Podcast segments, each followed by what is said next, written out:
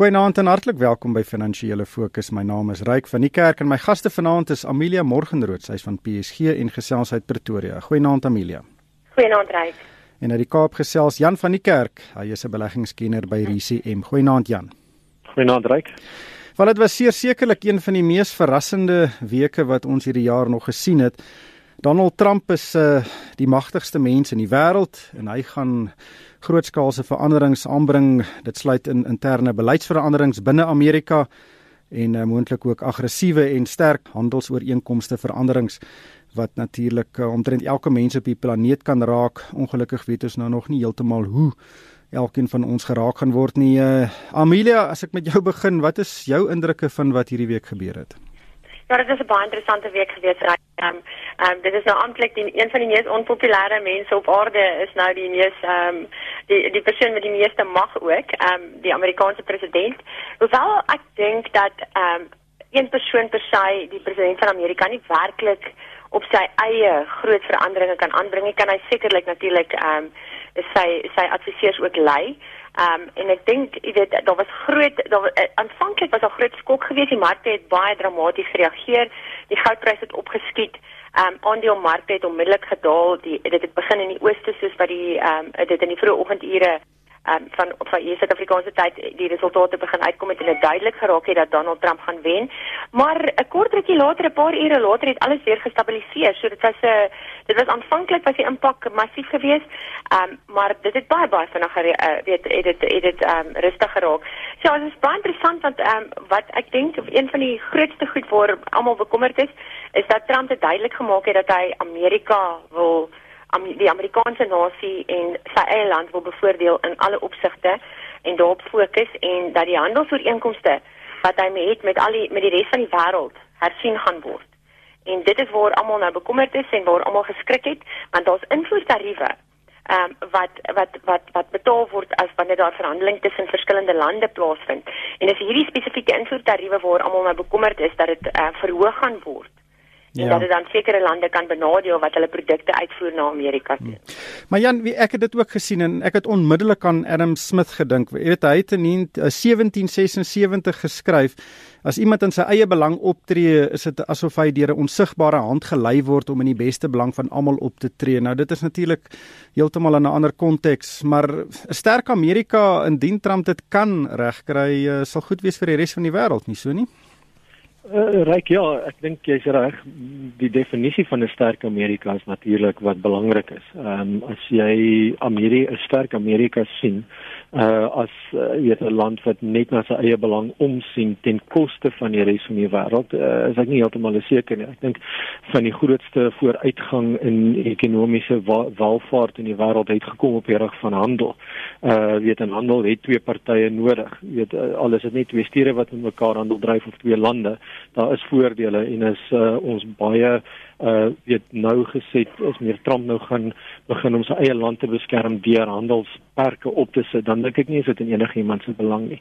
Miskien uh, weet die, die twee punte wat ek net wil maak oor die oor die Trump oorwinning. Is die eerste een is ek dink weet een van die ou ekonome het eendag gesê as jy wil voorspel wie gaan uh weet uh, en hy het dit gedoen in die hand van 'n uh, skoonheidskompetisie. As jy wil voorspel wie gaan wen, moet jy nie die mooiste meisie vir jou kies nie. Jy moet kyk na die gesigte van die beoordelaars en sien wie gaan hulle kies. Uh en ek dink as jy die beoordelaars dopgehou het oor die laaste 2-3 maande, sal dit nie 'n verrassing wees uh dat Trump gewen het nie. Ek dink weet meeste van die aanduidings was daar uh in die kommentaar van die kieserskorps in Amerika. Uh en die ander punt wat ek wil maak is dat uh, as jy onthou terug 8 jaar gelede toe meneer Obama die president geraak het, het hy omtrent 'n Nobel Vredesprys gekry voordat hy president was. Uh so daar was ongelooflike hoë verwagtinge van hom. En oor die afgelope 8 jaar het baie min van daai hoë verwagtinge gestalte gekry en ek dink in dieselfde manier al het mense baie lae verwagtinge van Trump gaan dit miskien nie so sleg wees soos wat dit op die oomblik voel nie. Ek wil graag iets nog bysê wat ehm um, ja nou daar gesê het en wat wat vir my of duidelik is is dat hierdie is 'n is 'n stem van protes eintlik. Die feit dat die dat die dat die nasie vir Trump gestem het. Hulle proteseer eintlik in effek teen gematigde ehm um, gematigdheid en teen ehm um, teen 'n teen 'n populistiese tipe benadering. En ek dink alles alles ontevrede daar's 'n groeiende ongelukkigheid by by die ehm uh, by by die kiesers oor die ekonomie wat so stadig regkom, die stygende onewewig wat daar is tussen ryk en arm. Ehm um, en ek dink baie van hierdie stemme wys eintlik dat hulle wil 'n regime verandering hê en hulle wil 'n verbeterde situasie hê. Ehm um, en jy weet dit is in 'n manier ook nie sleg nie. Miskien is dit 'n goeie ding vir die wêreld wat op die op die drempel staan van hierdie gematigdheid en gemiddelde groei wat verwag word om miskien 'n 'n 'n wakker geskik te word en 'n skok te kry. Ja. Dit is nie noodwendig altyd sleg nie. Wel, dit is basies dieselfde wat in Brittanje gebeur het met die Brexit uh, referendum. Jan? Presies reg. Ja. Ja, ek, ek dink dis reg. Dit eh, dis onthou dis die politieke nagevolge van die 2008 finansiële krisis wat ons nou sien. Uh weet na die krisis is rentekoerse laag gehou en finansiële markte stimuleer wat beteken dat dat die sogenaamde 1% die die ryk mense van die wêreld se batewaarde het ongelooflik opgegaan omdat rentekoerse laag was, maar die res van die samelewing het gesukkel. Uh weet en dit kom uiteindelik uit in in hierdie stemme in en jy's reg, dit het in Engeland gebeur en ook in Amerika daar. Ehm um, Amelia, kom ons gesels oor die rand. Die rand het werklik uh, soos die meeste ander ontleikende geldeenhede, weet amper soos 'n afkop hoender rondgehardloop, nie geweet waartoe om te gaan nie. Ehm um, maar dit gaan op die kort termyn die grootste impak wees uh, op Suid-Afrika. Wat wat is jou siening van die wisselkoers uh, oor die volgende paar maande as mens so siening kan hê? Kyk, ons het heeltyd geweet dat die geld wat vloei na Suid-Afrika terwyl die rand so besonder sterk gemaak het, um, 'n uitsonderlike kunsmatige situasie is reg. Want sodra hierdie vloeie van fondse in Suid-Afrika gaan ophou, dan kan die rand nie so sterk bly nie. Um, en dit is presies die die, die ons het gedink dit gaan heelwat langer neem want alles gaan oor Amerikaanse rentekoerse. As as die gevoel in die mark is dat Amerikaanse rentekoerse vinniger gaan styg as wat almal dink, dan kan dit die rand negatief beïnvloed en dit is presies wat nou hierso gebeur. Die algemene gevoel het eintlik hierdie week begin ontstaan, ehm um, die rentekoers in Amerika gaan nie teen so 'n stadige pas styg as wat Janet Yellen voorgestel het op wat sy die uh, indikasies aan die mark gegee het nie. En die oomblik as rentekoerse in Amerika begin styg, ons het dit klaar gesien hierdie week op die 10 jaar ehm um, ehm um, die 10 jaar staatsefek in Amerika, het oor 2% gegaan. Nou goed, beleggers begin meer tevrede raak met 'n uh, meer as 2% opbrengskoers ehm um, as wat hulle was met sien nou maar 1.5%. En as jy dan in ag neem dat ehm um, dat dat daar baie meer veiligheid in daardie ehm um, opbrengskoers is, dan begin fondse weer terugvloei na die Amerikaanse staatsefekte toe. En ons gaan ongelukkig wat ons nou gaan beleef is 'n baie wisselvallige rand. Ons het hierdie week gesien, jy weet hy kan enigiets tussen hy hierdie week enigiets tussen 13.20 en 14.20 verhandel. En dit is weet dit is dis ongekende wisselvalligheid. Ja, dis binne 'n paar ure wat hy ook so gespring het. Jan, jou indrukke? Ek ek het miskien 'n bietjie van 'n ander siening as familie. Die rede hoekom rentekoerse in die wêreld behoort te verhoog is omdat die ekonomie besig is om gesond te raak en 'n mens begin van die tekens op ander plekke sien. Onder andere het kommoditeitspryse hierdie jaar al 'n entjie gestyg en dit lyk asof dit besig is om verder te styg. Ehm um, so die rede hoekom rentekoerse normaliseer is omdat die stelsel nie meer in die moontlikheid is nie en dit weet dat dat dinge kan uh, beter gaan. In so 'n wêreld uh, is die beleggingsaptyd vir ontleikende markte gewoonlik 'n bietjie hoër en Suid-Afrika uh, is eintlik maar weet word ingeboende in daai groep van ontleikende markte. So as beleggingsaptyd toeneem vir ontleikende markte behoort Suid-Afrika goed te doen. En ek dink weet op die reg daarvan ten spyte van al die binnelandse politiek waar ons miskien later kan gesels, weet uh, is die rand nog steeds uh, redelik swak uh, relatief tot sy intrinsieke waarde. So ek vermoed of ek sal nie verbaas wees as die rand nog verder versterk oor die volgende jaar nie. Maar dit was nog altyd die uh, patroon van die rand. Hy verswak op 'n baie weet slegte nuus um, of as hy verras word en dan weet baklei hy stadig maar seker weer sy pad terug. Ehm um, Jan, kom ons praat oor die interne politiek. Ehm um, dit het natuurlik ook 'n impak op die rand. Hoe lees jy dit op die oomblik? Ja kyk die die die breë proses wat aan die gang is, dat die samelewing is meer en meer besig om vir die regerende party en vir die president te sê ons vertrou nie meer die president en wat jy doen nie. Uh ons het die mosie van wantrou in die parlement gehad woensdagmiddag en ek dink dit was 'n verrassing en, en, en dat enige iemand verwag het dat uh, meneer Zuma werklik, jy weet, uh, sou uh, aangetree word nie. Uh maar ek dink as jy die die liggaamstaal of die body language van die politici dopgehou het, sal jy sien net selfs in die ANC groep is daar mense wat intern maar bietjie swaar kry om by die party te aanhou stem want ek dink daar is mense met 'n gewete uh en hulle weet dat weet alhoewel hulle lojaal aan die party moet wees is dit die verkeerde ding. So ons is in die regte rigting op pad. Ja, dit lyk uh, Amelia asof die uh die goeie mense vir verandering besig is om klein oorwinnings te, te behaal. Ja, dit is stadig maar seker. Maar tog reik ek dink nie dit het so groot impak op enige enige waterpryse in Suid-Afrika nie. Ek dink wat op hierdie stadium baie positief is is die feit dat ehm um, hulpbronpryse so weet so sterk gestyg het. Ek weet hierdie week alleen het die prys van koper met 13% gestyg. Ehm um, die prys van ystererts is oor 70 dollar per ton. Dis die beste dit is ons het laas hierdie vlakke gesien um, in April verlede jaar. So daar's 'n redelike skerp stygings by um, by die by die by die metaalpryse wat natuurlik baie goed gaan wees vir Suid-Afrika en wat definitief uh, bydraend kan wees tot um, ekonomiese groei. Mynbouproduksie is hierdie week uitgereik. Dit is die eerste keer in 18 maande ehm um, wat ons ehm um, twee maande in 'n ry gesien het dat dit dat dit dat dit 'n positiewe bydrae het tot ehm um, tot uh, BBP groei.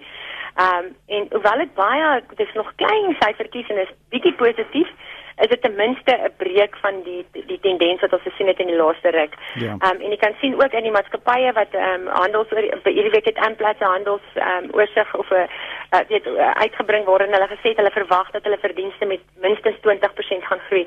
So as definitief 'n opflikkering aan die mynboukant wat natuurlik baie positief gaan wees vir Suid-Afrika en vir ekonomiese groei. Ja. Jan, jy kan dit ook sien in die uh, Hulbron aandele. Weet RCM is taamlik belê in die Hulbron aandele, so jy moet glimlag. Ja, dis reg. Ek dink ehm um, die Hulbron aandele spesifiek 'n jaar gelede was die algemene siening dat jy die maatskappye op die rand staan van bankrotskap. Uh jy weet in die afgelope jare het die pryse ver verbeter. Uh ja, jy sê reg, 'n uh, Amerika party van die maatskappy het bankrot gegaan omdat hulle te veel skuld gehad het, maar dit is ongelooflik uh, die voordeel van hoër kommoditeitspryse, weet ek ek noem maar gereeld Kumba Eystererts vir my is 'n voorbeeld in in 6 maande het hulle 5 miljard rand se skuld afbetaal. Dit is ongelooflike hoeveelheid geld. Uh net om met die Eystererts prys uh, nie verskriklik gestyg het nie. Uh so ek dink uh weet en en daar's teen teen nog meer van dit wat kom. Amelia, kom ons gesels oor die reën. Nou ons het hierdie week geweldige storms in Gauteng gesien. Nou, weet as jy van die Noord-Kaap af kom, dan kla jy nie eintlik oor reën nie. Ehm um, en en ek moet sê dit is baie positief. Ons is ook uh, weet op die hopelik aan die einde van 'n baie baie groot droogte en indien hierdie uh hierdie reën die die rug van daai droogte kan breek, kan dit op die kort termyn baie ehm um, met uh, vinnig uh ekonomiese groei aanwakker en en ten minste die landbousektor se bydrae tot ekonomiese groei vinnig verhoog. Verseker um, en reg die grootste die grootste positief daarvan is die effek wat dit op inflasie het. Nou die droogte het gelei tot tekorte en skerp stygings in um, in baie van die kooperte en jy weet dit gaan definitief 'n positiewe effek hê op op rente op op op um, inflasie en dan daarna kan ons min of meer verwag dat rentekoerse nie maklik weer sal styg nie eerder sal daal. Um en weet dit is ongeken daarin maar ek het tog artikels gelees en navorsing gelees in die laaste week of twee waarin hulle sê selfs al reën dit nou baie gaan dit tot soveel as 5 jaar neem vir die ehm um, die effek van die droogte om uh, weet uitgekanselleer te word wat betref die vlakke van die damme. So ek is nou nie so kenner op daai gebied nie, maar soos ek verstaan, beteken dit nie dat ons nou baie water het en dat ons ehm um, baie water kan gebruik nie. Ehm um, dat dit nog steeds 'n effek gaan hê op op op op ons lewens, maar ten minste vir die landbou dink ek gaan dit definitief 'n verskil maak. En as ons ek verstaan die weerpatrone ver, het ook nou verander en um, dat El Niño definitief uh, ja. gaan lei daartoe dat ons vir die volgende paar jaar goeie reënval gaan hê. Wel hy 5 jaar met iewers begin, hooplik het dit dan nou begin. Ehm um, Jan, negatief van die reën is natuurlik, hier was geweldige storms. Ons het uh, foto's gesien van van motors wat in die uh, paaie afdryf en uh um, geboue wat onder water is en die versekerings uh, is seker nie te gelukkig hieroor nie. Ja, ek uh, ek dink nie dis 'n groot probleem nie. Jy weet dit is dramatiese fotos, maar jy moet onthou dat die groot korttermynversekeraars in die land dek risiko's reg oor die weet die die hele land en dis groot groot hoeveelhede risiko. So en, en jy as 'n versekeraar verwag jy dat jy van tyd tot tyd uh weet sulke skade sal hê en hulle teen teen verseker weet of herverseker van hulle risiko's. Ek dink nie daar's 'n groot probleem nie. Hmm. Kom ons kyk 'n bietjie na koöperatiewe ehm um, aangeleenthede. Jan Medikliniek het resultate aangekondig. Die aandelepryse is swaar gestraf. Ehm um, veral nadat dit lyk of daar probleme is met sy alnoor oor, oorname en veral versekerde regulatoriese veranderings in die Midde-Ooste wat die winste taamlik uh, ingekort het.